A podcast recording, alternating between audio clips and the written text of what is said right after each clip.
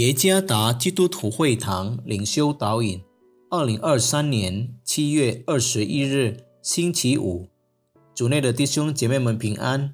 今天的领修导引，我们要借着圣经路加福音十九章十节来思想今天的主题：宣扬福音。作者何成礼牧师。路加福音十九章十节。人子来，为要寻找拯救世上的人。本人约翰或者约翰班扬这样描述他的反思说：一开始，最侵入了想象力，激起心灵的罪恶欲望。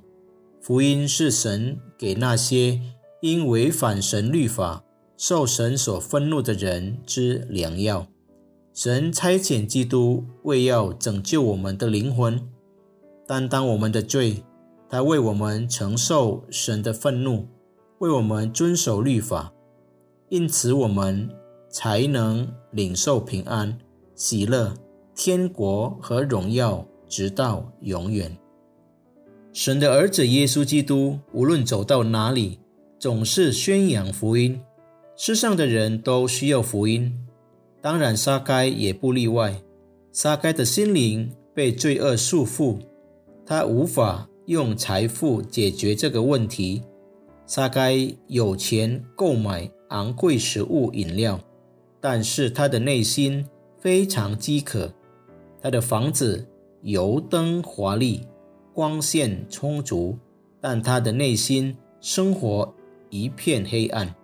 沙该沉溺于世界的财宝。罪孽使他失去了人生的方向和目标。有关撒该记载的重点是基督宣讲福音，人子来为要寻找拯救世上的人。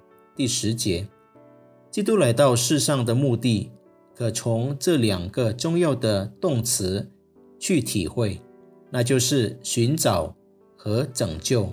寻找一词可以解释为。探讨问题的根源，寻求解决方案的行为。主耶稣来世去寻找那些已在最终迷失了的人。耶稣要帮助沙该，让他知道人的生命各种问题的根源是罪。只有信靠他，这些问题的根源才能彻底解决。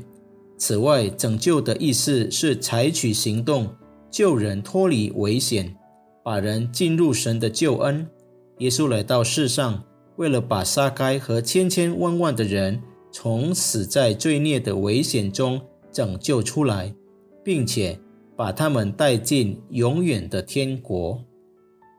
我们已接受了福音的信息，我们确信只有耶稣基督才能帮助我们认识生活各种问题的根源，就是我们得罪。